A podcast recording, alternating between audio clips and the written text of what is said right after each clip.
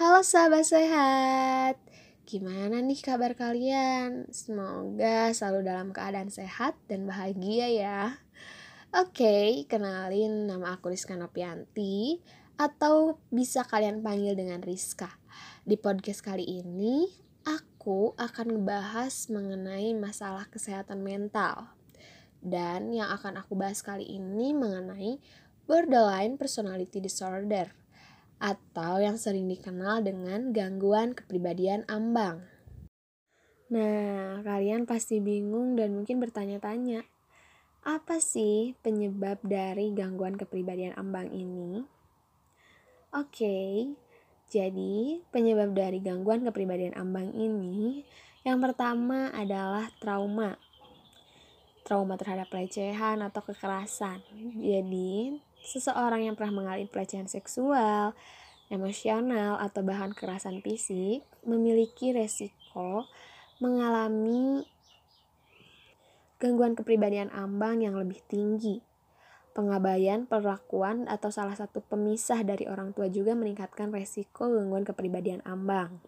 Yang kedua, genetik.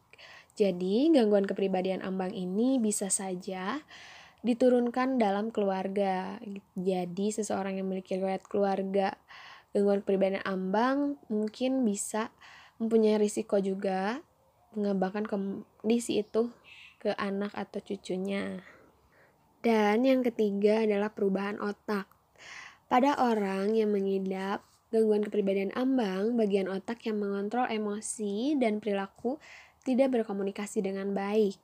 Masalah-masalah ini mempengaruhi cara kerja otak. Selain itu, penurunan fungsi dari zat-zat kimia pada otak seperti serotonin juga dikaitkan dengan gangguan kepribadian ambang. Serotonin berfungsi mengendalikan suasana hati atau sering kita kenal dengan mood.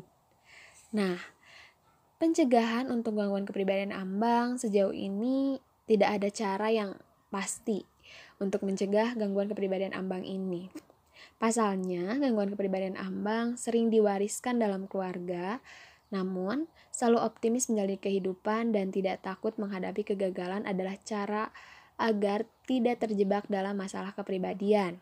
Jika kamu mengalami masalah, coba utarakan dengan sahabat terdekat dan tidak memendamnya, dikarenakan bisa mengakibatkan stres bahkan tertekan. Nah, sahabat sehat, aku ngebahas tentang borderline personality disorder atau gangguan kepribadian ambang itu cukup segitu ya. Aku nggak membahas tentang apa itu borderline personality, penyebab serta pencegahannya. Jadi sekian ya teman-teman. Semoga kita ketemu lagi di podcast selanjutnya dan ngebahas tentang topik yang lebih seru atau kalian ada rekomend tentang topik yang harus aku bawain di podcast selanjutnya. Sampai jumpa di podcast selanjutnya. Dari saya, untuk sahabat sehat, tetap jaga kesehatan dan selalu bahagia. See you!